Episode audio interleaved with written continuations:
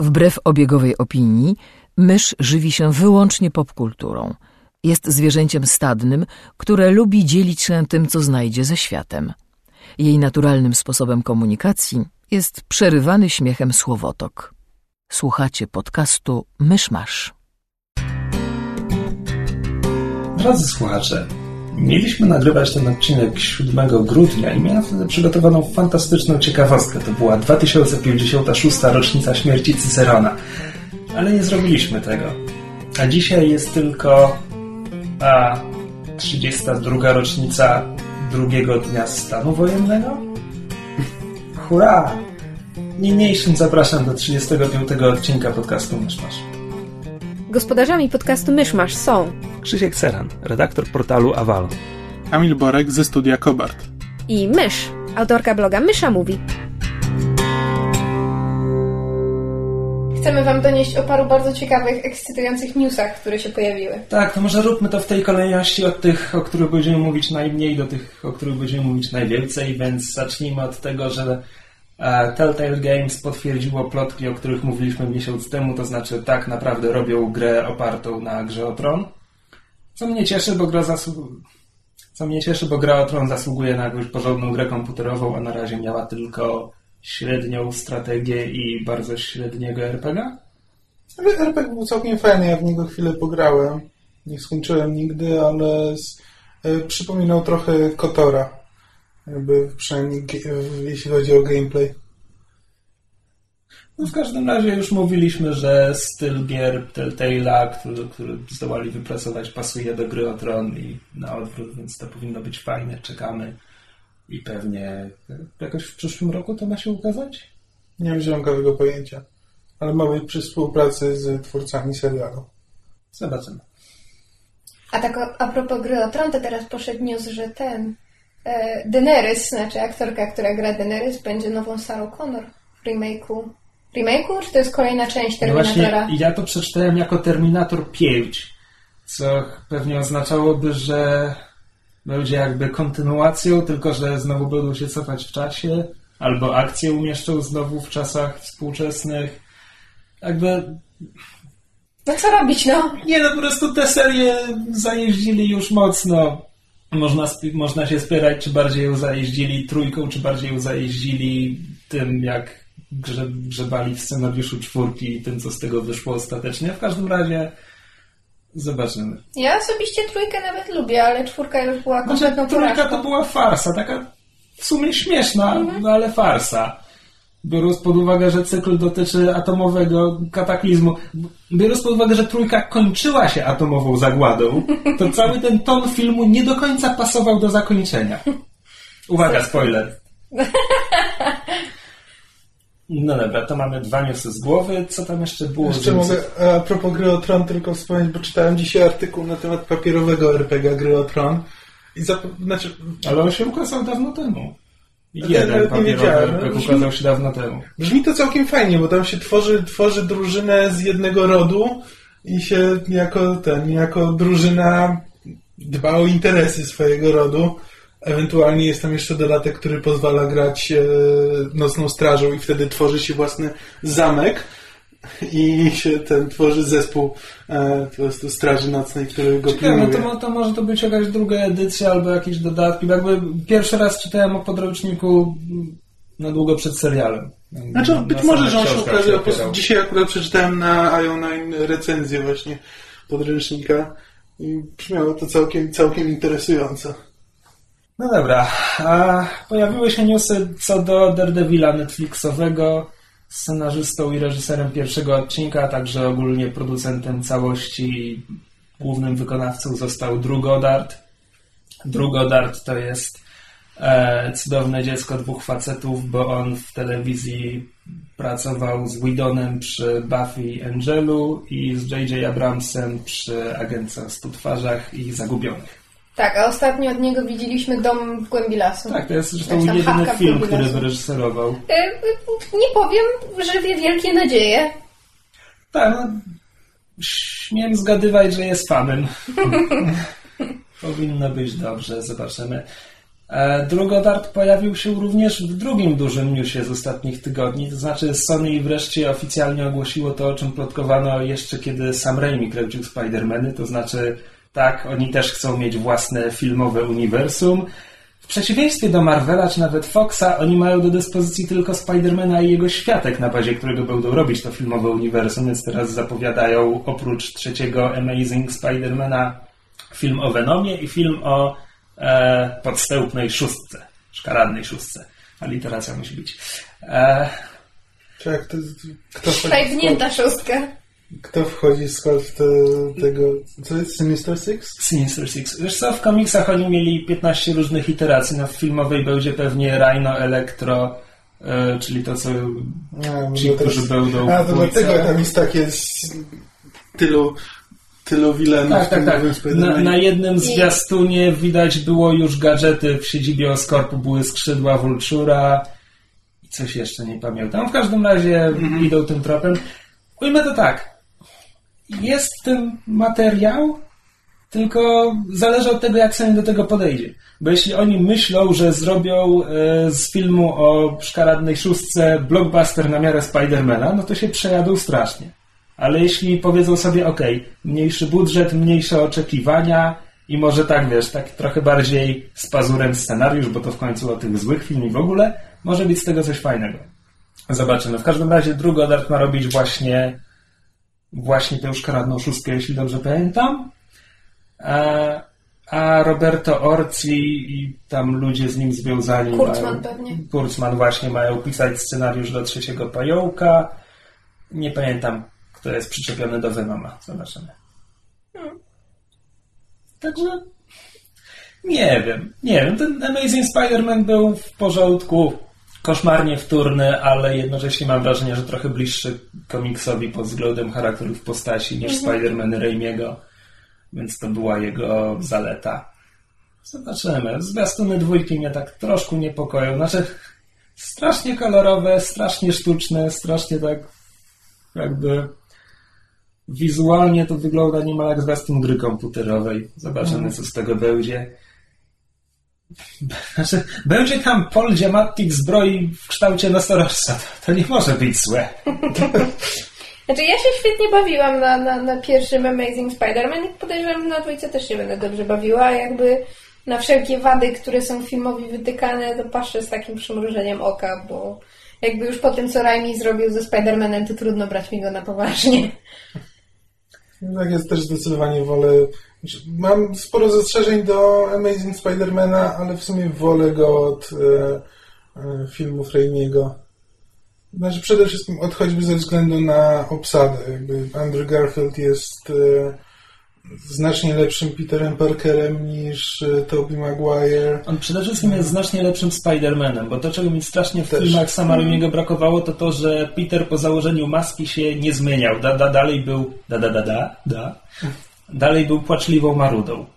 Tak, poza tym, e, Jezu, kto gra Gwen Stacy? Jak Emma, Emma Stone. Emma Stone, tak, też jest znacznie ciekawsza niż Kirsten Dunst. E, Więc no, liczę na to, że przynajmniej, no, a też obsada, obsada do dwójki jest jak na razie bardzo fajna, więc przynajmniej dla, od choćby dlatego warto będzie obejrzeć ten film, moim zdaniem przynajmniej. No, tylko po cichu liczę, że w scenariuszu dwójki wplecą jakąś oryginalną treść między klisze. Znaczy między te klisze, że się pojawia znowu Zielony Goblin? Nie, nie, nie. Jedynka, pierwszy Amazing Spider-Man składał się z samych klisz.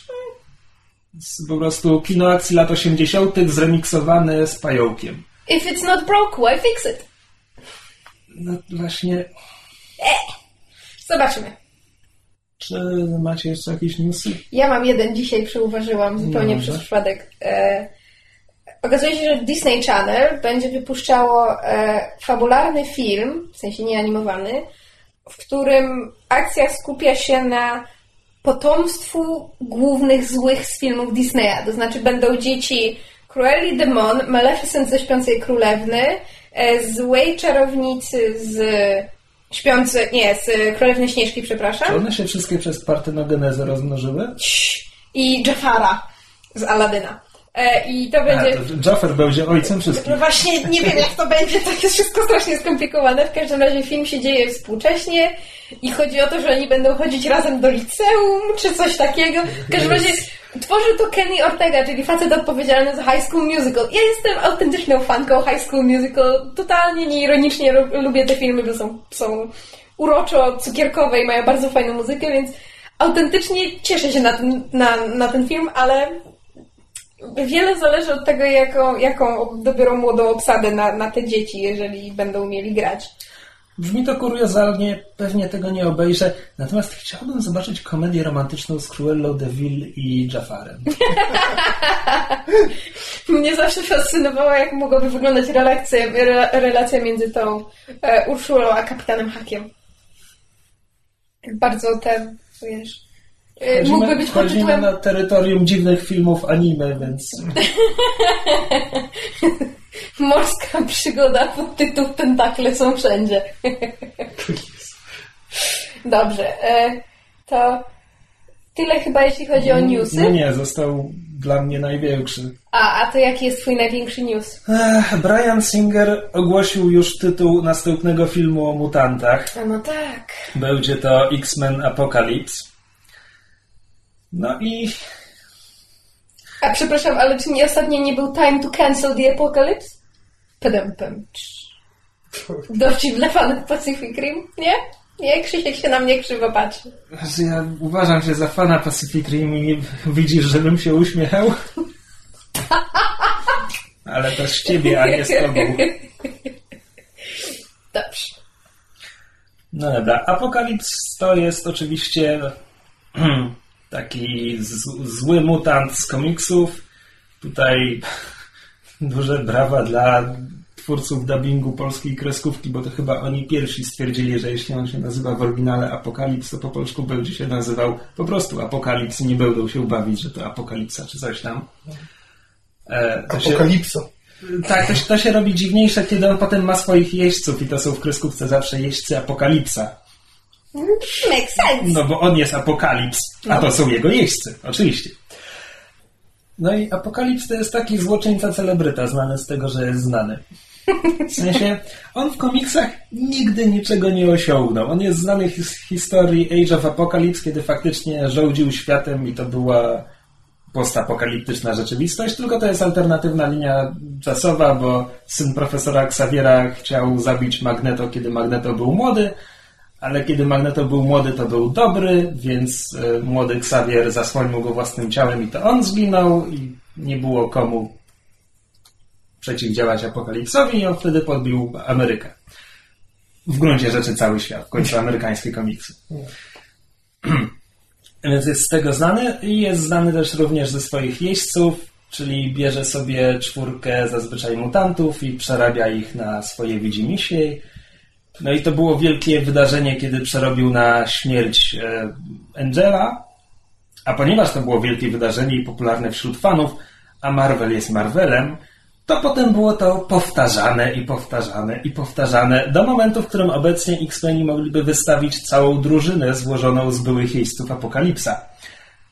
Byliby to głęboki wdech e, Angel, Wolverine, Gambit, Sunfire, Polaris, Banshee, tu już trochę naginamy zasady, przy Bansheem, a także Psylocke. I Caliban, ale to taki X-Men, o którym nikt nie pamięta. E, Ale, ale jakie właściwie moce ma Apokalips? Nie pytaj. Nie, to jest, to jest jedno z pytań, których nie należy zadawać, tak jak nie należy pytać, jakie właściwie moce ma Cable i czemu z nich nigdy nie korzysta. Apokalips ma takie moce, jakie sobie wymyśli akurat scenarzysta. Ma pełną kontrolę nad każdą komórką swojego organizmu, cokolwiek to znaczy. Regeneruje się. Jest bardzo długowieczny, ma ponad 3000 lat. Potrafi zmieniać swój wygląd, kształty, rozmiary, walić promieniami z rąk.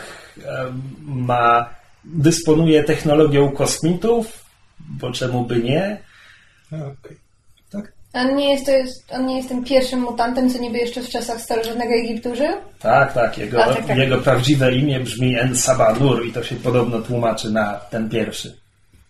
I tak, on jest ze starożytnego Egiptu. I tak, być może jest pierwszym mutantem, ale prawdopodobnie nie. Do czego to wszystko zmierza? Aha. Ponieważ najbardziej znana historia z Apokalipsem to jest Age of Apocalypse, które wynikło z podróży w czasie, no jest teraz internet spekuluje, że Coś... w Days, w Days of Future Past X-Meni będą próbowali nie dopuścić do tego, żeby Sentinele zawładnęły przyszłością, I więc przy okazji coś zrobią, zrobią to tak dobrze, że mutanci zawładną przyszłością i teraz z tym będą walczyć. To jest bardzo jakby wszystko się składa w ładną całość, tylko trochę nie wyobrażam sobie, żeby oni robili film po filmie z rzędu, wiesz, o podróżach w czasie. Mhm. No, ale zobaczymy. No to ja bardzo króciutko powiem, że zacząłem w końcu oglądać Breaking Bad, czy wróciłem do oglądania Breaking Bad. Po tym, jak obejrzałem pierwszy odcinek 4 lata temu. E, I to jest fajne. Doskonała mieszanka, tak żeby było i śmiesznie, i strasznie. Jestem trochę zaskoczony tym pierwszym sezonem, bo byłem przekonany, że to jest serial o tym, jak zwykły człowiek może się stać kimś złym, czy przestępcą. A tutaj się okazuje, że to jest raczej serial o tym, jak e, geniusz zostaje geniuszem zła. No ale zobaczymy. E, a i syn głównego bohatera kompletnie nie ma roli w pierwszym sezonie. Jest. Jest, bo jest. No, no potem ma trochę więcej. tak. Znaczy, domyślam się, że wrzucili go do pierwszego sezonu po to, żeby go potem rozwinąć, tylko po prostu po pierwszych odcinkach spodziewałem się, że do czegoś to prowadzi. Jego konflikt z ojcem, czy coś tam będzie jakiekolwiek rozwiązanie tego wszystkiego i nie bardzo on po prostu znika. No, w pierwszym sezonie to służy głównie za to, że głównie za wymówkę, czemu, czemu Walter musiał zarobić na utrzymanie swojej rodziny i czemu te. No, bo inaczej no to by był, gdyby to był po prostu ten, on nie miał syna, czy miał zdrowego syna, no to wtedy trudniej. Nie, no dobra, może- tak, ale po prostu byłem zdumiony od choćby w porównaniu z. E, o Jezu, nie wiem, jakie są relacje rodzinne. To jest. E, ten agent federalny od narkotyków to jest e, teść Walta, czy Znaczy, nie, nie, szwagier? To jest szwagier, szwagier, szwagier. tak, o to mi chodzi. Że to jest Czyli- mąż czyli- siostry Dobra, jego one żony. są siostrami, właśnie. Tak, one są siostrami. więc e, nawet ta siostra jego żony ma jakąś historię w pierwszym sezonie. To nie jest nic wielkiego, ale po prostu coś się z nią dzieje, a z synem kompletnie nic. A pierwsze odcinki No tak. wskazują, że coś się z nim będzie działo i nie ma niczego. To naprawdę wszystko, co mam do opowiedzenia. Do powiedzenia. Do opowiedzenia. Wow. Talking is hard. Aw- awaria stron głosowych. Ktoś inny, ktoś inny. Rotacja, Ja- trójpolówka. Ja nie miałem wiele też, e, nie udało mi się wiele obejrzeć, tam poza serialami na bieżąco. E, obejrzałem ten, obejrzeliśmy z myszą e, rozszerzoną wersję w e, pierwszego Władcy Pierścieni. Z komentarzem obsady. Pierścienia, tak, z komentarzem obsady. E, to jest właśnie zaskakująco przyjemne. Ja nigdy wcześniej nie oglądałem ani jednego DVD z komentarzem. Nigdy mi się jakoś nie chciało. E, A tutaj, wiesz, Drużyna Pierścienia jest na tyle ładnym filmem, że bardzo mi się podoba, że po prostu siedzę, oglądam ładne widoczki, a tam mi opowiadają o tym filmie. I też w miarę są zabawni i ciekawie mówią. Więc tak, to warto. No i obejrzałem też dwie wieże. Ale już, e, ale już bez komentarza. bo- Sotę, dla przypomnienia. tak, dla przypomnienia, bo drużynę pierścienia oglądałem trzy albo cztery razy, a e, dwie wieże raz. Ale dwie wieże też rozszerzone? Tak. Też rozszerzone. One Tak. dużo zyskują na rozszerzeniu. Tak. Tak jak Powrót Króla traci, tak dwie wieże zyskują na rozszerzeniu. Jeszcze po, do powrotu króla nie doszedłem. W Powrocie Króla niestety są mocno niepotrzebne rzeczy. W tych Tak. rozszerzeniach. Ale chyba rzeczywiście coś w tym jest, bo pamiętam, że ja próbowałem właśnie, obejrzałem dwie wieże najpierw w kinie i potem próbowałem je oglądać po raz drugi. Doszedłem do jakiejś połowy i się znudziłem i z, nie wróciłem już do nich. A teraz jak oglądałem rozszerzoną edycję, to jak znacznie, znacznie mi się to lepiej Nie, bo tak spośród wersji kinowych dwie wieże były zdecydowanie najsłabsze. Tak. I to tak poziom niżej zdecydowanie. A w rozszerzonych jakby Ja zawsze lubiłam, że w rozszerzonych dwóch wieżach jest o wiele więcej Mary'ego i Pipina. No ja jestem wielką fanką. Ale e, to, co, to, co zauważyłem, bo też ostatnio z Myszą przypominaliśmy sobie e, oryginal, e, tfu, nie oryginalną, właśnie nową trylogię Gwiezdnych Wojen. E, i jakby te filmy pochodzą z, mniej więcej z tego samego okresu, no bo pierwsze mm, pier, Mroczne Widmo to był rok e, który- 99. 99, pierwszy Atak Władca Planów 2001. 2002. Mhm. E, więc no jakby Tak się zazełbiały dwa filmy. tak. E, a w por... znaczy teraz jak patrzę na nową trylogię, to to wszystko wygląda sztucznie i po prostu to jest e, efekty specjalne. Natomiast Władca Pierścieni, Tak, ja zapomniałem jak zapierające dech w piersiach są te widoki. Mówiliśmy o efektach specjalnych. No, Peter Jackson mieszał Tak, no właśnie komputer, makiety, maski, charakteryzacje, modele, lalki, wszystko mieszał. Ale e, słuchaj, poczekaj 10 lat, Hobbit zestarzeje się tak samo jak prequele.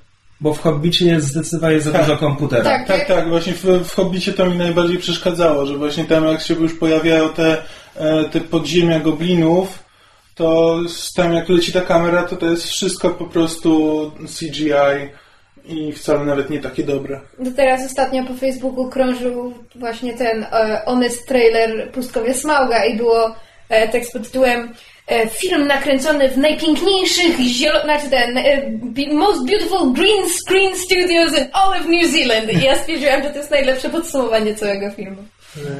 Znaczy ja bardzo, bardzo się dobrze bawiłam na pierwszym Hobbicie, czekam na drugiego Hobbita z, wiel, z wielu względów, wś- wśród nich należy wymienić głos Cumber, Cumberbatcha i, i obecność Stevena Frya i, i obecność tego, większą obecność Tranduila, króla elfów, którego bardzo lubię.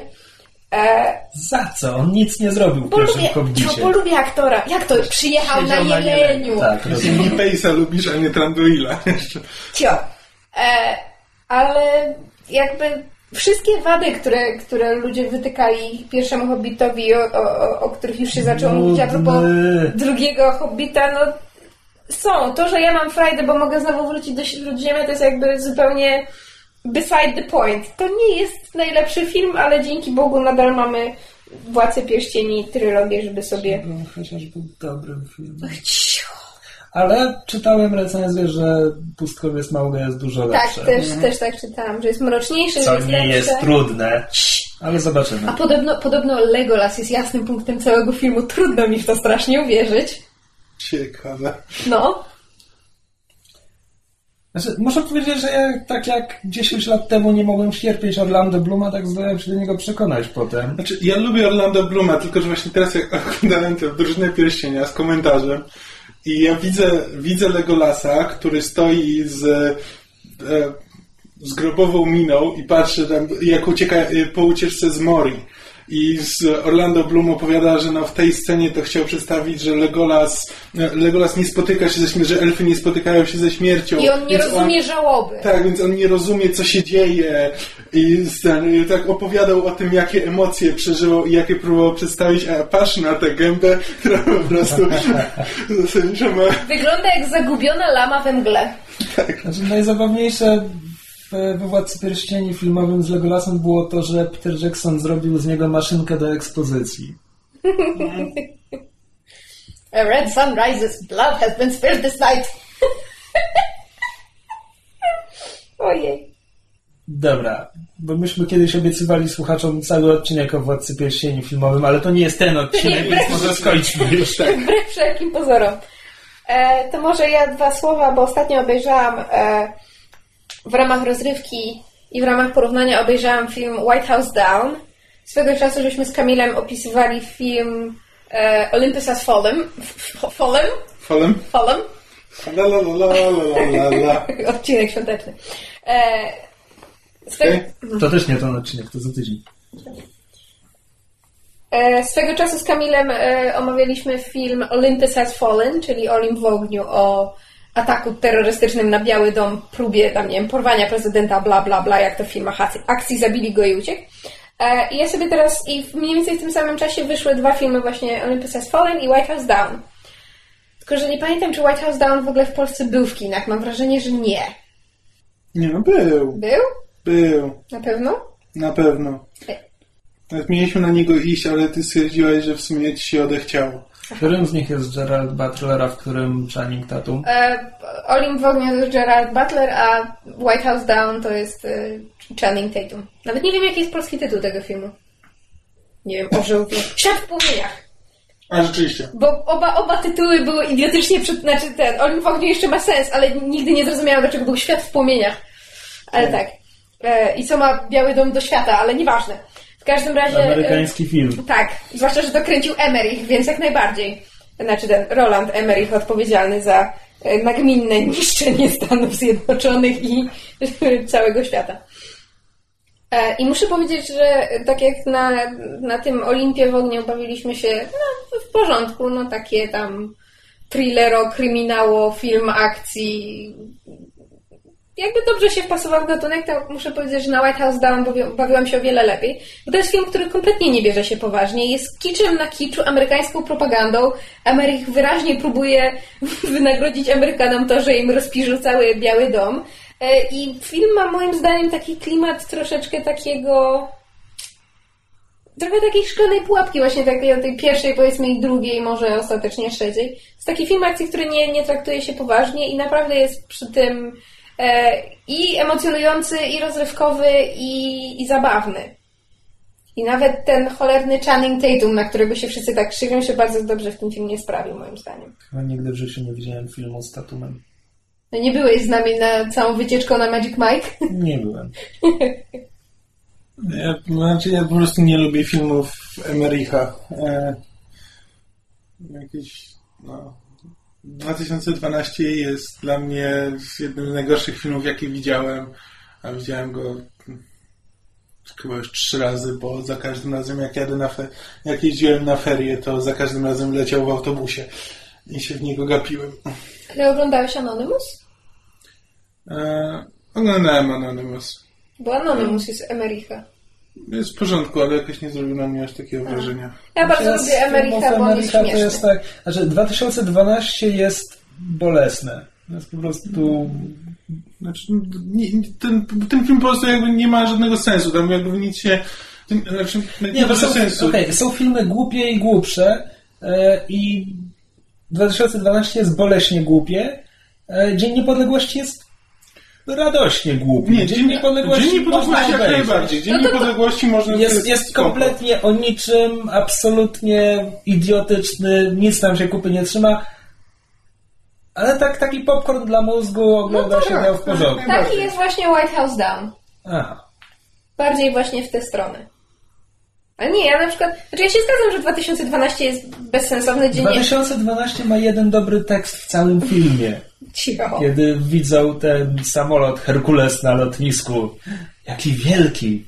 Zachwycają się dzieci, a gruby rosyjski biznesmen patrzy na nie i mówi Is Russian. E, ale na przykład ja bardzo lubię e, ten... Jaki jest polski tytuł? Pojutrze. The Day After Tomorrow. Ja bardzo lubię ten film. Ja pamiętam, on zrobił na mnie ogromne wrażenie, jak na niego poszłam do kina. I nadal jakby wizualnie mi się bardzo podoba i ma świetną muzykę. Znaczy, po prostu jakby dla mnie, nie wiem, filmy w ogóle e, katastroficzne, katastrofalne, Katastroficzne. Katastrofalne filmy katastroficzne e, nie robią na mnie wrażenia wielkiego wizualnie, a fabuły w tym nie ma za grosz, więc jakby to, jeszcze pojutrze było lepsze niż 2012, ale, ale to nie trudno. Moja kolej. Mm, No, po kolei rotacja. Trójpolówka, co mówiłeś. Przeczytałem książkę, z którą boksowałem się tak ze dwa tygodnie przynajmniej. Jest to niezwykła historia Marvel Comics autorstwa Shona Hall. Moja recenzja już na dniach na Avalonie. A, a może już będzie w sieci, kiedy ten odcinek się ukaże. Zobaczymy. Mm. No i jest to... Zgadnijcie o czym. O Marvelu? Brawo. E, I... A. Icha? Iha. Iha! Niha. Aha. Mogę polecić każdemu e, fanowi komiksów Marvela. Jeśli ktoś jest fanem filmów Marvela, ale interesuje go historia wydawnictwa, to być może też. I jeśli ktoś jest zainteresowany komiksami, ale też właśnie od strony tego, jak powstają, i to nie, że jak scenarzysta i rysownik wpadają na te niesamowite pomysły, tylko jakie panują stosunki w redakcji, jak redaktorzy mieszają w komiksach, jakie, nie wiem, jakie są wynagrodzenia i w ogóle... Jak wygląda proces Ta wydawniczy. strona, tak. Proces w dużym amerykańskim wydawnictwie. To jeśli ktoś jest tym zainteresowany, to mogę to polecić. Natomiast takiemu laikowi nie bardzo. Jakby na kartach tej książki przewija się mnóstwo postaci e, i jakby no ja, po pierwsze ja się w miarę orientuję w historii Marvela. Ona jest tutaj bardzo dobrze opisana. Nigdzie nie widziałem tak dobrego opisu e, bankructwa z lat 90. Jakby mniej więcej wiedziałem, co do niego doprowadziło, ale teraz dopiero mogę powiedzieć, że naprawdę rozumiem, co się Marvelowi wtedy przydarzyło. E, więc pod tym względem jest super. I oczywiście anegdotki o tych, o tych twórcach e, też, też są bardzo fajne, no ale jeśli ktoś nie wie, kim są ci ludzie, pogubi się, moim zdaniem. I co poza tym, i co poza tym. No boli mnie strasznie brak ilustracji. No tak, to mówiłeś, że tam na całą książkę, która ma jest grubości pięści. Pięć- 500 stron jest, Tak. y, są dwie ilustracje. Do Chrysta. E, I jakby, no słyszałem, że ponieważ, ponieważ w książce pojawiają się też takie trochę nie do końca pozytywne rzeczy o Marvelu, to Marvel nie chciał dać swoich grafik, ale to jest po, pozycja popularno-naukowa, a mam wrażenie, że to z punktu prawnego nie do końca się trzyma kupy, ale słabo znam amerykańskie prawo, więc nie wiem.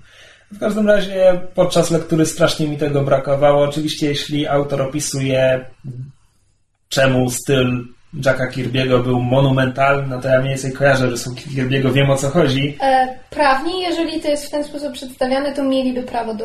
do No właśnie tak samo mi się Ja wydaje. dzisiaj czytałam cały artykuł na temat tego, jak, jakie jest prawne, jakie jest podejście prawa do fanfików i do właśnie przerabiania przez fanów i jak wygląda użycie fair use. I w momencie, kiedy jest krytyka albo polemika z tekstem lub z ilustracją, to wtedy ma się na podstawie fair use prawo do użycia. Właśnie tak samo mi się wydawa, dlatego ja podejrzewam, że to bardziej chodziło po prostu koszta druku i tak dalej. Pewnie tak. W każdym razie brakowało mi tego strasznie. Mm. No i cóż, no, pełna recenzja na Avalonie, już chyba nie mam, nie mam co tutaj dużo więcej mówić. Znaczy, ja mogę tylko wspomnieć, że zacząłem grać czwartego Asasyna. I właściwie to jest mój szósty już Asasyn. No tam drugi to była trylogia sama w sobie. I jak na razie zacząłem tylko nie mogę przez to przebrnąć, bo ta gra po raz szósty każe mi przechodzić ten tutorial i zdobywać znowu te, te same narzędzia. I naprawdę już mam dosyć, jak znowu, znowu staję przed misją y, w, w willi gubernatora, gdzie każą mi się popisywać swoimi technikami. Ja muszę ten po prostu wykonać tam cztery różne, e, cztery różne zabójstwa tam z dachu, z tłumu i tak dalej na tych, na manekinach. No i, no i czemu ta gra mi każe to robić? Naprawdę, czy nie mogę gdzieś zaznaczyć jakiejś opcji, że już tak grałem w poprzednie, w poprzednie gry i dajcie mi już po prostu wskoczyć, wskoczyć w akcję i pozabijać trochę ludzi, a nie, wiesz, a nie muszę znowu godzinę trwa, zanim dostanę w ogóle e, z ostrze naręczne, kolejną godzinę, zanim pozwolą coś z nim zrobić i czemu? Słuchaj, muszę ci powiedzieć, że ja czytam same dobre rzeczy o tym Black Flagu. Że jak już się rozkręci, że jest naprawdę No przyjemny. być może, tylko że czemu jest- on się musi rozkręcać przez pierwsze pięć godzin? Ubisoft. To samo miałem, ten sam problem miałem z trójką. Po prostu nie byłem w stanie przebrnąć przez tą trójkę. No, w- trójce przebrnąłem przynajmniej dalej, bo tam przynajmniej te 6 godzin chyba już to wcisnąłem i już po 6 godzinach już zaczęła się normalna gra. Tylko, że wtedy też już ten świat jest dla mnie za duży, nie chce mi się po nim biegać co chwila w tej z powrotem. Teraz przynajmniej wiesz, jest duży świat, ale podzielony na te wyspy, więc można tam sobie popływać na tym statku, więc liczę na to, że to to... jest najfajniejsza rzecz. No właśnie, liczę na to, że to będzie przynajmniej coś, co wiesz, czego wcześniej nie widziałem i dla, dlaczego będzie warto w tę grę dalej grać. Ale jak na razie, e, jak na razie po prostu ta gra bardzo, bardzo chce mnie od siebie odepchnąć już na wejściu. No widzisz, ja się zmęczyłem tym cyklem już przy Brotherhood, w które podobno jest najlepszą grą z cyklu. Znaczy nie, Brotherhood przeszedłem jeszcze od początku do końca. Zmierzam, Revelations mnie już nie, nie było w stanie do tego, że skończyć. Revelations nawet nie próbowałem, trójki również nie, więc miałem przerwę, więc może ten Black Flag by mnie tak nie zmęczył na, na starcie już. Być może to, by ci, to ci rzeczywiście dało tą przewagę, której ja nie miałem, bo ja próbowałem podchodzić do każdego z sześciu tych asasynów i niestety ostatnie trzy już mnie od siebie odpychały. Myślę o tym, żeby spróbować, bo mówię, same dobre rzeczy czytam o Black Flagu. Znaczy, e, pierwsza walka właśnie tutorialowa na morzu m, zapowiadała się fajnie.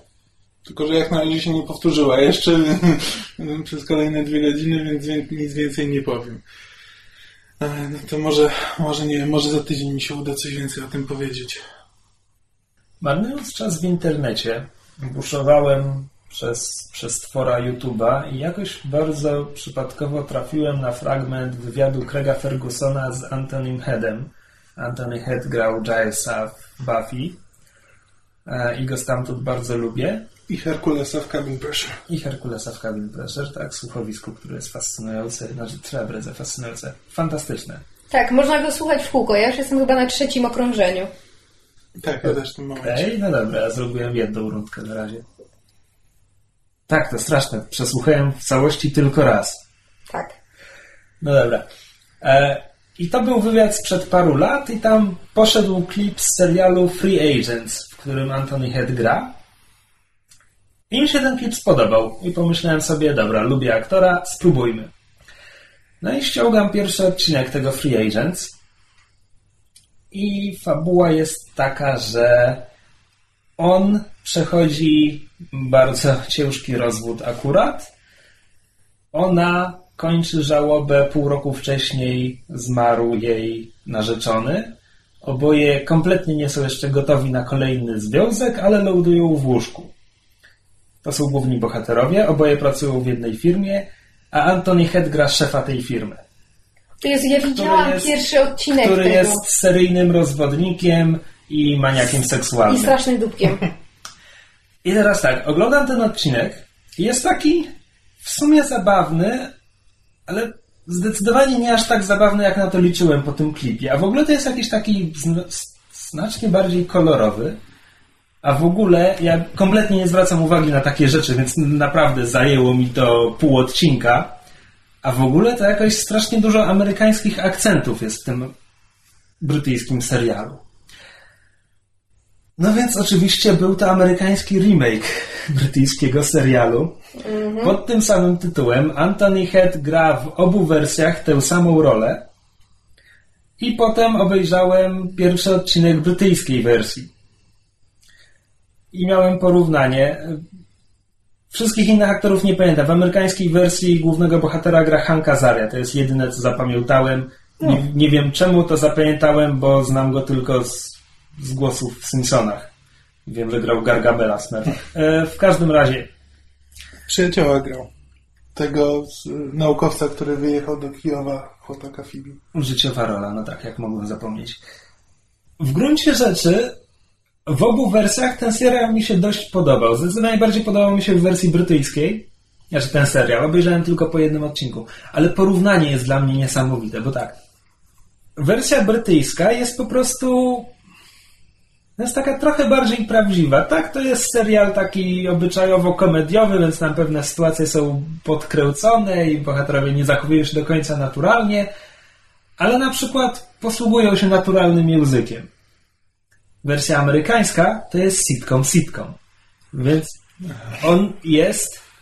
On strasznie podkręca na przykład właśnie postać Antoniego Heda, że jest maniakiem seksualnym, więc, więc robi te wszystkie dialogi i żarty dużo bardziej wulgarnymi, ale nie może sobie pozwolić na przykład na prawdziwe wulgaryzmy, które dla Brytyjczyków nie są, nie są żadnym problemem. W związku z czym powstaje coś niesamowicie sztucznego. Jasne. Na razie nie obejrzałem kolejnych odcinków ani jednej, ani drugiej wersji. Lubię Antony Heda, więc może tę brytyjską bym dociągnął dalej, ale mam rozgrzebane jak zwykle 15 innych seriali, więc myślę, że można, gdyby ktoś chciał się zainteresować, to zdecydowanie bardziej polecam angielską wersję, natomiast nie jest to nic przełomowego, wielkiego. To ja wreszcie ostatnio miałam możliwość obejrzeć e, Monsters University, czyli Uniwersytet Potworny, w oryginalnej wersji językowej, bo oczywiście w Polsce wszystkie bajki są dubbingowane i ja to absolutnie rozumiem i niech sobie dzieci oglądają, ale strasznie mnie boli to, że ja muszę potem dwa albo trzy miesiące czekać, aż film wyjdzie na DVD, żebym mogła go zobaczyć w oryginale. Tak jak Pan Bóg przykazał. Ja naprawdę nie mam nic przeciwko polskiemu dubbingowi. Czasami jest fenomenalne, czasami tłumaczenia są świetne i są filmy, na przykład parę filmów Disneya, które w wersji polskojęzycznej, angielskojęzycznej są dla mnie równoważne, jeżeli nie lepsze po polsku. Na przykład Lilo i Stitch albo Nowe Szaty Króla. Ale z zasady najpierw chcę oglądać filmy w oryginale, a potem dla porównania w języku polskim. Bo na przykład w wypadku takiego filmu jak Brave, gdzie akcja się dzieje w Szkocji, to po cholerę ja mam oglądać polski dubbing, gdzie na dodatek nie wiedzieć dlaczego wsadzili bodajże śląskie czy góralskie akcenty, bo stwierdzili, że takim pasuje. No Skoro Highlanders. tak, skoro jakby film, po, połowa filmu polega na tym, że głosy do filmu podkładają szkoccy aktorzy i można się pławić w tym, prawda, ich cudownym, cudownym akcencie. Więc wreszcie sobie obejrzałam to Monsters University. Strasznie fajnie jest wrócić do tego, do tego świata wymyślonego przez, przez Pixar. Film jest y, porównywalnie dobry jak Potwory i Spółka i się nie lepszy. E, I jak sama nazwa wskazuje, to jest prequel, bo Czekaj, Potwory i Spółka to była pierwsza czy druga część? to jest pie- pierwsza, to jest druga To jest jest druga? prequelem. Myślałem, że to jest już trzecia. Nie, to jest druga, jest prequelem. Nie było sequela? Em, nie, nie według moich informacji. Ha, okej. Znaczy, ja się nie interesuję tak bardzo. ale- E, w każdym razie tutaj właśnie mamy, cofamy się do, do czasów uniwersyteckich, kiedy to e, Mike i e, Sally, czyli dwaj główni bohaterowie potworów i spółki się, się poznali właśnie na uniwersytecie. I jest to strasznie taki uroczy film, jest bardzo fajny wizualnie. E, może nie na najwyższym poziomie dowcipów, no ale to jednak jest film dla dzieci, ale ma bardzo, jak na taki sztampowy, powiedzmy, film dla dzieci, ma bardzo fajne twisty fabularne. Ja, ja autentycznie dawno się tak dobrze na, na animacji nie bawiłam, co prawdopodobnie będę musiała y, za parę miesięcy odszczekać, bo teraz czekam z kolei, aż na DVD po angielsku wyjdzie Frozen, czyli Kraina Lodu, która w Polsce już leci. I wszyscy się zachwycają, jaki to jest wspaniały film, jaką ma wspaniałą muzykę. Zresztą jest nominowany do e, Golden Globu teraz za, za muzykę i za piosenkę bodajże. Ale ja się uparłam i na polską wersję nie pójdę i poczekam na angielską. Foch. O. W zeszłym tygodniu wspominaliśmy o programie Whose Line Is It Anyway? I na forum Avalonu ktoś nam... Wesoł. Wesoł poinformował nas, że istnieje polska wersja tego programu. TVP2 bodajże wykupiło licencję. E, więc postanowiłem sobie obejrzeć parę klipów na YouTubie. Jakby telewizji zazwyczaj nie oglądam, więc e, obejrzałem tylko to, co było dostępne w internecie. I powiem tak. Nas, nastawiłem się na katastrofę. Aż tak źle nie było. Ale tak, o ile e, oryginalny Whose Line był mm, w najlepszych momentach genialny, w wielu momentach mm, dobry, bardzo dobry, no i czasami już, czasami był nudnawy. I to było najgorsze, co można było o nim powiedzieć. No to e, ten TV, ten polski ma zakres od dobry do żenujący. I są, są żarty, są scenki, które im naprawdę fajnie wychodzą. Piosenki wychodzą też nawet lepiej niż się spodziewałem, choć to nie jest e, ten poziom, co Wayne Brady powiedzmy. E, I potrafi, potrafią być zabawni, ale potrafią być też kompletnie żenujący. I najgorsze jest to, że najwyraźniej TVP nie stać na dobrego montażystę, bo to nie jest tak, że, że jest żenujący dowcip. Publiczność się śmieje do rozpuku, tylko jest żenujący dowcip, po którym nie ma żadnej odpowiedzi od publiczności, żadnej reakcji, a to zostaje w programie. Ja tego nie rozumiem.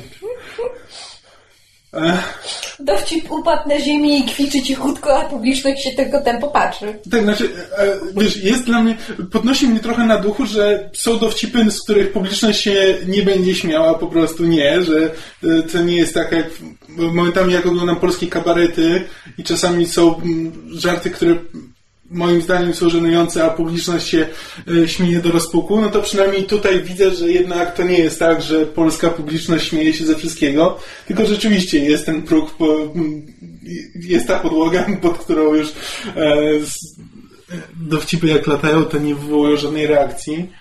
Ale no, ale to jest niesamowite. Znaczy, jak można to, wiesz, jak można to puścić? Czemu oni nie, wiesz, nie, nie, niech nagrają godzinę, dwie i wytną z tego to, co najlepsze, a nie puszczają. Może chcą być szczerzy, ale telewizja nie jest miejscem, w którym należy być szczerym, to, jest, to ma być rozrywka. Może robią to zbyt niskim kosztem, że po prostu nie mają kasy, żeby nagrywać dwa razy dłużej. Może. Nie wiem. E, I to jest jakby naj... Można to obejrzeć. Jak mnie e, nie obraża zmysłów, tak jak się bałem, że to będzie robiło. Nie jest to coś, co bym polecił, zdecydowanie nie, ale jak komuś, jak komuś się podobało puzzle i naprawdę albo nie wiem, albo nie był w stanie się ten, nie był w stanie oglądać puzzle'ina przez barierę językową na przykład, a podobała mu się koncepcja, to może sobie spróbować, ale, e, ale z czystym sercem tego nie polecę, ale też nie będę odradzał. Ostatnio udało mi się skończyć e, książkę Feed, o której też mówiłam w odcinku. W ogóle udało mi się bardzo wiele rzeczy skończyć, które zaczęłam. E, I muszę powiedzieć, że książka jest, e, ma bardzo, bardzo fajne zakończenie. Znaczy, to jest jedna z tych książek, która nie, nie catka się z czytelnikiem i nie boi się, jakby. Autorka widać, że nie boi się podjąć trudnych decyzji, jeśli chodzi o postacie i fabułę. Mam wrażenie, że ten aspekt jakby polityczny, który jest y, dość mocno wychwalany przy tej książce, jest, jest moim zdaniem naciągnięty. To znaczy, jakby widziałam już i w literaturze, jakby w popkulturze wątki polityczne, które są o wiele lepiej i, i sprawniej rozegrane, więc tutaj mnie to troszeczkę gryzło. Co masz na myśli mówiąc wątek polityczny? E, no tam jest kwestia, bo akcja się toczy wokół e, grupy blogerów, którzy w tej postapokaliptycznej rzeczywistości zostali zatrudnieni do relacjonowania kampanii senatora, który chce zostać prezydentem. Znaczy on tam tournée, prawda, takie promocyjne, zbiera głosy i, i, i, i tak dalej. Aha, czyli tam zombie, zombie, zombie, a społeczeństwo funkcjonuje dalej, tak? Tak, tak. I, i właśnie jakby to, jak jest opisane to funkcjonowanie tego społeczeństwa, na jakich zasadach, jakie oni mają podejście do tych zombie, jak zombie zmieniło ówczesne, znaczy tamtejsze społeczeństwo, e, to jest jeden z najsilniejszych e, jakby e, elementów książki. Właśnie ten świat przedstawiony, to jak on został przemyślany i, i, i jak na przykład jak autorka wytłumaczyła istnienie zombie. Ona jest tak, z wykształcenia bodajże tam chyba wirusologiem czy z zainteresowania, więc bardzo fajnie to jest wytłumaczone, ma to ręce i nogi. E, I mi się na przykład to bardzo podoba, bo tyle razy się spotyka, prawda, z filmami albo książkami, gdzie jest na zasadzie mamy wilkołaki i wampiry, bo tak, magia, czary.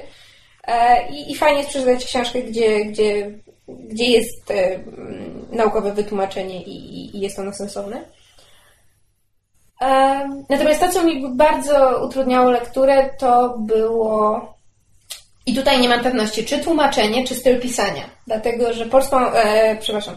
Dlatego, że pierwszy tom e, czytałam, teraz skończyłam po polsku, e, a za drugi i trzeci zamierzam się wziąć po angielsku. Właśnie dlatego, że bardzo ciężko mi się czytało. Tylko pytanie jest, czy to była wina tłumacza, który to po prostu zrobił bardzo nieumiejętnie, e, czy to jest po prostu taki bardzo chaotyczny, nieskładny styl pisania autorki.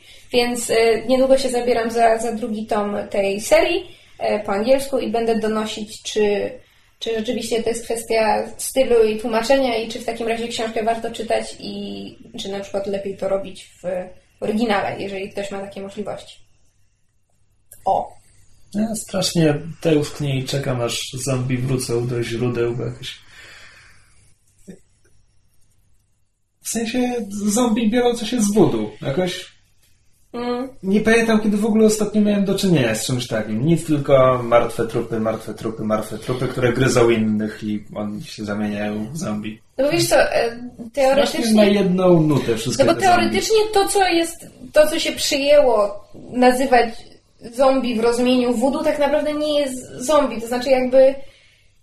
No, oryginalnie tam to było Tak, zombie. znaczy, ale inaczej, współczesne, współcześnie słowo zombie określa coś, już określa coś zupełnie innego niż właśnie to w znaczeniu voodoo. Prawdopodobnie na tego typu zombie powstałe w wyniku voodoo na, należałoby już teraz chyba na tym etapie znaleźć inną nazwę, bo m- mylę mi się by Nie, było. oni byli tak, pierwsi. ale cztery nogi dobre, dwie nogi złe. A, y, ja się właśnie ostatnio zastanawiam, w, w, w jakimś podcaście, już nie pamiętam którym, e, ktoś zauważył, że nie było jeszcze wilkołaka zombie. Zombie były w najróżniejszych tych e, e, konwencjach. Jeszcze nikt nie wpadł na wilkołaka zombie. Chyba dobrze. Nie, ja bym to obejrzał. Nie no czekaj, nie rozumiem, a wampiry zombie były? No, ale wampiry już są nieumarłe, no to jakby też... To, wampir zombie to wampir. No to a czekaj, ale to zależy teraz od wilkołaków. U Pratchetta na przykład wilkołaki są klasyfikowane jako nieumarli. W Discworld Noir masz, bohater wstaje z grobu zamieniony w wilkołaka. No ale to, no, ale to jest jedna konkretna, konkretna interpretacja. No, w większości wypadków wilkołaki są żywe i właśnie wręcz to jest to, e, biegunowość polega na tym, że właśnie wilkołaki są żywe, wampiry są umarłe, wilkołaki są e, to jest czysty instynkt i właśnie energia życiowa, wampiry to jest No tak, tak, tak. Graliśmy w Świat Mroku i oglądaliśmy Trublada. Wie, wiemy o czym mówisz. Słuchaj, możesz się doczekać w Trubladzie za moment, bo tam teraz wampiry zombie będą biegać w nowym sezonie. To dopadną jakiegoś wilkołaka i No zobaczymy. Aj, waj. A ja muszę stwierdzić, że ostatnio e, obserwuję nowy trend e, w popkulturze. Mianowicie, tak jak wcześniej mieliśmy wampiry, a potem mieliśmy zombie, to teraz mamy wiedźmie. Dlatego, że w, na antenie są chyba teraz obecnie trzy, jeśli nie cztery seriale o czarownicach. I w developmencie, że się tak wyrażę, są przynajmniej cztery kolejne, z czego dwa na pewno dzieją się w Salem. Kiedy mumie będą miały swój dzień? z tymi czarownicami to jest W tym samym momencie, kiedy Mumia będzie miała swój remake. Mroczny, paranormalny romans z mumią. E, Anne Rice już to napisała, dziękuję, do widzenia. I nie, nie żartuję. Nazywa się bodajże Mumia, czyli Ramzes Przeklęty. Jest fenomenalną książką. Aż autentycznie żałuję, że nikt jej nie nakręcił. To było w jej chrześcijańskim okresie, czy Przed. postchrześcijańskim? Przed. Prechrześcijańskim, Pre. dobrze. Ja mam wrażenie, że z tymi czarownicami to jest tak, że ktoś się zorientował, że jakoś po Harrym Potterze nie udało się utrzymać boomu na e, czarodziejów i teraz próbują, próbują to przywrócić.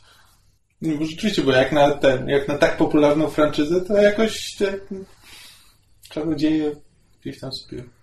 Słuchajcie, ja dawno nie narzekałem na agentów tarczy. Mogę przez chwilkę? U tak, czy możemy porozmawiać na temat tego kompletnego idiotyzmu, który zrobili w tym odcinku? Znaczy, ja chciałem tylko porównać agentów tarczy z e, Arrow. E, Arrow jest idiotyczne i plastikowe i ogląda mi się to 10 razy lepiej niż agentów tarczy. Tak, ja, ja na Aroła czekam zawsze, jak tylko mam Aroła, To to, po pierwszy pierwsze. leci na Po drugie, teraz oba seriale robią sobie przerwę świąteczno-feriową, zimową jakąś tam. E, I Arrow z tej okazji dał dwa fajne odcinki składające się na jedną historię i zamknął historię przed przerwą świąteczną, a agenci tarczy już chyba chwytają się każdego sposobu, żeby podbić sobie oglądalność, bo rozbijają historię dwuodcinkową i teraz trzeba czekać do stycznia na tę kontynuację. I ten odcinek Agentów Tarczy i tak był jednym z fajniejszych, bo wreszcie sobie przypomnieli, że oni tam mają jakąś fabułę rozciągniętą na więcej niż jeden odcinek i tak troszkę korzystają z fundamentów, które kładli wcześniej. Ale wciąż mnie irytują ci bohaterowie i to jest wciąż... Ten serial wciąż nie wie, czym chce być właściwie no, i o czym opowiadać. Są takie jakieś historyjki, które właściwie nie mają żadnego e, powodu istnienia. No. To są po prostu kolejne, kolejne historie w tych odcinkach nie składają się na żadną wspólną całość. To nie, Nie no, w tym historia. konkretnym odcinku wracają do fabuły, tam, która już wiesz, była w pilocie, była potem w jednym odcinku po drodze. Tak, jest tam jakiś motyw przewodni. Tak, ale no, powiedz mi, o czym opowiada ten, o czym jest ten serial? Poza tym, że jest o agentach tarczy, to o czym on, o czym on opowiada? No? O tym, że Wielki Brat potrafi być całkiem sympatyczny i jest bardzo potrzebny, a inwigilacja jest dobra. Chyba, że tak. To rozumieć. Ale co, ale i, i o tym opowiadają, o tym opowiadają odcinki twoim zdaniem? To to Nie, i twórcy się- chyba nawet nie myśleli o tym w ten sposób, ale taki wyszedł im serial. Znaczy- Da, dajcie się inwigilować, ludzie, Znaczy, to dla co- waszego bezpieczeństwa. Są te motywy jak najbardziej, no bo niestety jak próbują agencję rządową przy ten pokazać w dobrym świetle, bo muszą, no bo muszą te postacie trzeba lubić. No to nie jest Homeland. Wiesz, w Homeland też jest film o, e, tfu, serial o CIA, ale przynajmniej tam te postaci są dwuznaczne. Był zawsze. odcinek agentów tarczy, gdzie pojawia się w dialogach, po prostu w dialogach jest. e, to był odcinek, gdzie się pojawił ten. e, to zakłócenia grawitacji, ten doktor, co to No. okazuje się być nie do końca dobry. E, Tam był bogaty biznesmen, który był jednym z tych złych tego odcinka i on mówi do głównej bohaterki, hakierki, przecież to jest, pracujesz dla SHIELD, przecież to jest wielki brat, a ona odpowiada, ale to taki miły wielki brat, który się tobą opiekuje. Te. To chyba miał być dowcip. Ja mam wrażenie, że to, to brzmiało trochę jakby to miało być dowcipem, ale ponieważ tam połowa dowcipów nie wypala, również dlatego, że aktorzy są beznadziejni, w tym aktorka grająca Sky, nie pamiętam jak się nazywa, Chloe Bennett. Eee, do No właśnie widzimy, zmierzam? widzimy, że nie pamiętasz. Taki się, masz chyba autystyczny po prostu taki odruch. Ja nie wiem jak ona się nazywa, Chloe Bennett. To taka odmiana Tureta. Tak, aktorski turet po prostu. W każdym razie, tak, ten serial. Że tak Tak? powiem, tak jak mówiłeś o i kto to mówi, o pułapie i kto to mówi. Pułap e, agentów tarczy jest od żenująco niekompetentny po. E, No Tak, no wiesz, jest, że e, nie będzie. Ech. Nie, tylko, że to, o czym mówisz, wiesz, nawet dwa role, jakby nawet wiesz, na podstawowym poziomie, to jest głupi serial, jakby to nie jest ten, ale przynajmniej ja wiem, e, widzę jakąś drogę bohatera, znaczy widzę o czym on opowiada, no, to jest na, wiesz, na najprostszym możliwym poziomie, na nie no, skrócone do... droga, droga bohatera Varro to jest w ogóle jakiś masterplan wielki. On w końcu dostał maskę. Za dwa lata ktoś go nazwie Arrow. No ale wiesz, no ale jest na początku, najpierw jest o zemście, potem, że może jednak nie tędy droga, i, ale widać, widać, że przynajmniej scenarzyści do czegoś dążą, mają jakiś plan i wiedzą, Co do- co do chcą takich- o czymś opowiedzieć. Co do takich rzeczy, które widać, to ja oglądając Arrow widzę, że twórcy mają frajdę z tego, co robią i oni Oj, tak. naprawdę to lubią i się tym bawią. Oglądając agentów tarczy widzę, że ktoś ma tabelkę, co się geekom powinno podobać i próbuje odhaczać Tak. kolejne te. Tak, tak, to już o tym rozmawialiśmy, że ten serial po prostu nie ma serca. A poza tym, czy możemy porozmawiać na temat tego kompletnego idiotyzmu, który był w tym ostatnim odcinku, mianowicie agent Ward, super, super tajny hiperagent w ogóle, sztuki walki i szpiegostwo i tak dalej. I on e, jako snajper znajduje takie miejsce, żeby najbardziej kluczowe, Tak. kluczowe pole widzenia mu zasłoniła ogromna cysterna! Ogromna! I potem jeszcze się dziwi, że ona tam jest! Tak, to było niesamowicie. Po prostu wow! Finał tego, finał tego odcinka po prostu tak bezsensowny. O Chryste! To, ja nie to czy było spektakularnie idiotyczne. Czy ten, e, e, e, czy ten, e, ktoś nie pamiętam jak on się Mike- nazywa. Peterson. Mike Peterson, czy on ma wejść w skład drużyny, bo jeśli on wejdzie w skład drużyny, to zasadniczo Warda mogą spokojnie wywalić, bo Ward już nie ma tam po co być w tym momencie. E, nie wiem, to jest... Ale, ale, ale przecież Mike, Mike Peterson zginął w tej eksplozji. No wiesz, koniec odcinka A, dramatyczny. tak, tak. Spoiler. Nie, szczerze. Znaczy, nawet gdyby to był spoiler, a nie uważam, że jest, e, nie czuję się winny przy takim serialu. Jakby nikomu go nie polecam. Nie mam zamiaru go nikomu polecać. I nie czuję się winny, jeśli mówię o tym, jaki jest słaby. Nie, się Powstrzymałem się w ostatniej chwili, żeby nie powiedzieć, jaki jest zły, bo jeszcze iskierka nadziei mi się tli gdzieś. Ja się, Gdzieś. ja się czuję zażenowany, że po pierwszym odcinku ja jeszcze, jeszcze byłem nakręcony. Znaczy obejrzałem pierwszy odcinek i okej, trochę nie do końca na to miałem nadzieję, ale kurczę, ale fajne było, podoba mi się, podobają mi się motywy, które tam wprowadzają i że z tego co będzie coś fajnego. A potem dalej w las, tym po prostu trudniej mi było utrzymać, a naprawdę chcę być entuzjastycznie nastawiony do tego serialu. Jego koncepcja mi się podoba, stworzenia tego, że w ogóle on istnieje e, jako rozszerzenie świata filmowego Marvela, który bardzo lubię. Tak, ale to nie on jest jest- rozszerzenie, on go nie On jest rozszerza. kompletnie oderwany od tego świata filmowego. Tak, ja już miałem nadzieję, że przynajmniej wprowadzają ten, e, nie wiem jak, ale piekielny wymiar. To jest jeden z tych siedmiu krain, czy dziewięciu, czy ile ich tam jest. Dziewięciu. Dziewięciu krain, że to jest piekło jakieś tam i że to, i to jest, i to jest tak naprawdę po raz pierwszy widoczne dopiero w serialu. W, w żadnym filmie do tej pory tego nie było. No nie, E, w Mrocznym Świecie właśnie. Znaczy na Hell była dosłownie przebitka. No to nie, może pokazali, ale w każdym razie nie wiemy, co tam się dzieje, że jakby dopiero pokazali, że z niego wychodzą właśnie jakieś Znaczy, demony ja i duchy. nie zrozumiałem Ale- tego, że ten facet trafił do Hela. Myślałem, że on siedział w Svartalheimie, czyli tym... Zimowym. Nie, tym... mm, No, ten popiół i A. spalona ziemia, gdzie pół... No właśnie nie, on, on, on, on siedział w tym, w tej... Nie, on tylko mówił, ojejku, to jest piekło. Diabli wiedzą, co miał na myśli. No tak, ale znaczy ja miałam wrażenie, że ponieważ to było, on tak bardzo podkreślał, że to jest hell i to było tak dobitnie podkreślane, że właśnie chodziło o to, że to nie jest piekło w znaczeniu, prawda, diabelsko-szatańskim, tylko że właśnie chodzi o hell, tę krainę. Skąd on by to miał wiedzieć? Nie, to co mnie przy dawnym odcinku rozbawiło, to jest jak oni, tak samo jak w filmach, dobitnie, wiesz, to wszystko jest nauka, nauka, naukowo to wszystko wyjaśniamy. To okej, akurat w tym serialu to ma trochę sensu, bo tam postaci myślą tymi kategoriami. Połowa z nich to nastoletni naukowcy. E, Ale bawi mnie to w odniesieniu do filmowego uniwersum Marvela w sytuacji, w której za moment będą kręcić Doktora Strange'a. Czy oni Doktora Strange'a też będą tłumaczyć, że mm, on manipuluje prawdopodobieństwem i to wszystko da się nauką wytłumaczyć, tę całą jego magię. Być może, że to będzie po prostu, wiesz, na takiej zasadzie, na najprostszej możliwej, że wiesz, odpowiednio zaawansowana nauka jest nieodróżniona od magii i po prostu, i to będzie Zresztą tyle. I to jest- będzie całe Ale wytłumaczenie. przecież, przecież to było w torze, że on mówił, że to, co wy nazywacie magią, to dla nas jest nauka, bo my jesteśmy na wyższym poziomie tam świadomości czy czegoś tam. To było już rozpowiedziane i ja wam gwarantuję, że oni będą to wsadzali wszędzie i tym będą to tłumaczyć. Też mnie za każdym razem śmieszy, jak oni ten e, powtarzają, że nie, telepaci, te- telepaci nie mogą istnieć. Nie, nie istnieją. Wszystko, że elfy i wszystko istnieje, ale nie. Telepatów jeszcze nikt nie potwierdził i nie mogą istnieć. We, we, ten, jak to jest? We draw the line at telepaths that, that Tak. don't exist. No. Po prostu to jest tak bezsensowne, że ewidentnie po prostu to jest tylko i wyłącznie zagranie scenarzystów, że jak już wprowadzą telepatów, to, to może Wszyscy być, będą tak, w szoku. To wszyscy będą w szoku. Po?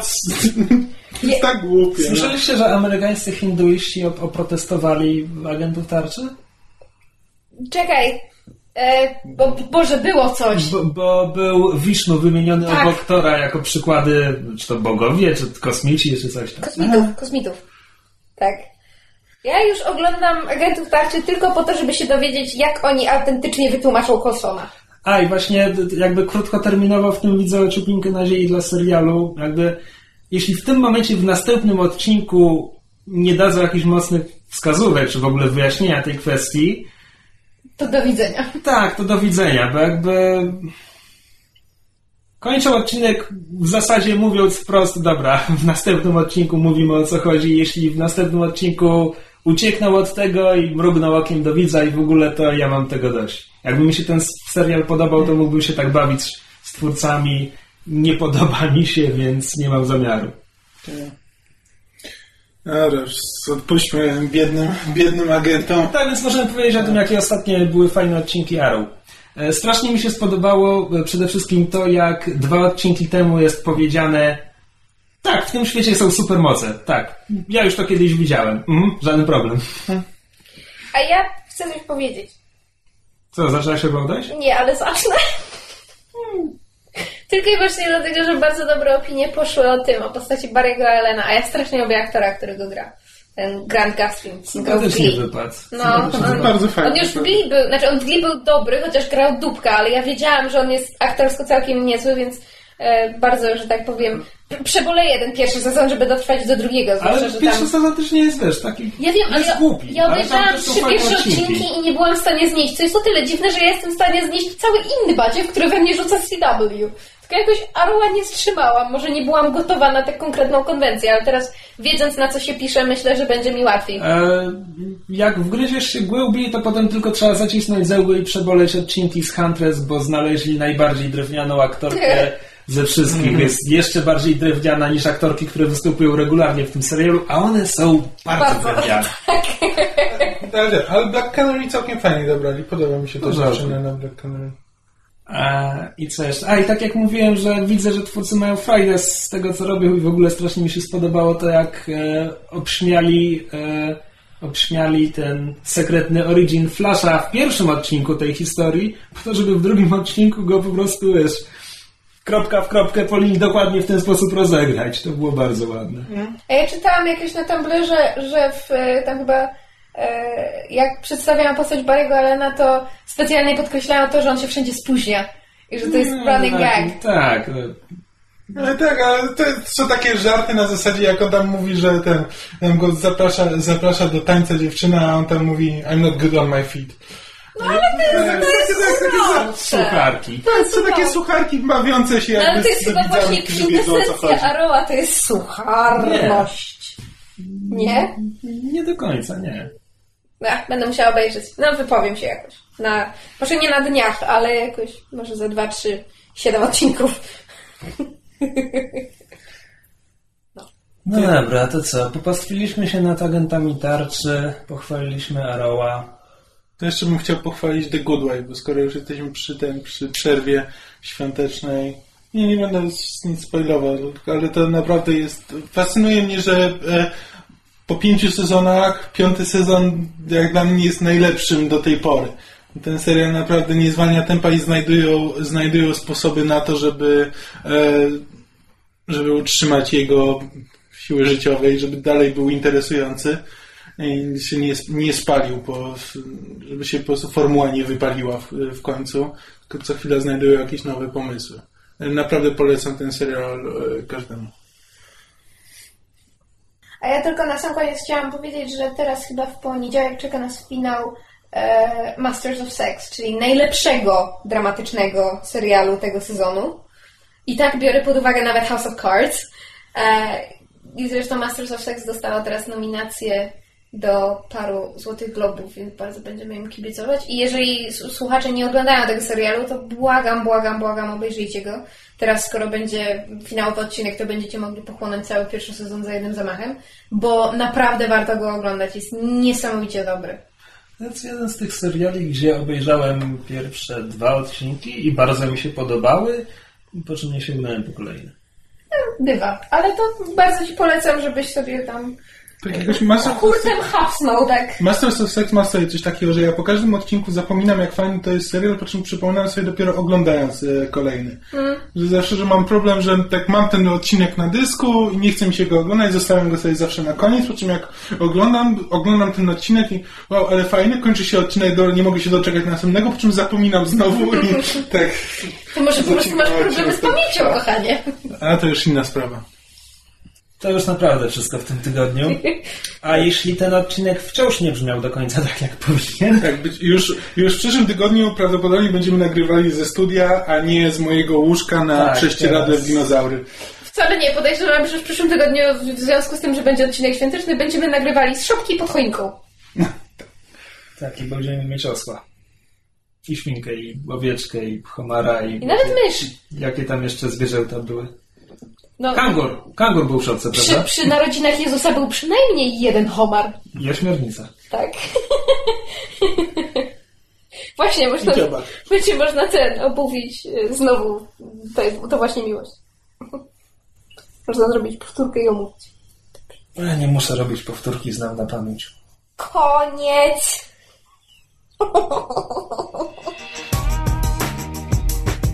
Słuchaliście podcastu Myszmasz. Możecie nas znaleźć na myszmasz.pl lub polubić nasz fanpage na Facebooku. Możecie nam także wysłać maila na myszmaszpodcast.gmail.com Jeśli do nas napiszecie, będziemy szczęśliwi jak homar przy narodzinach Jezusa.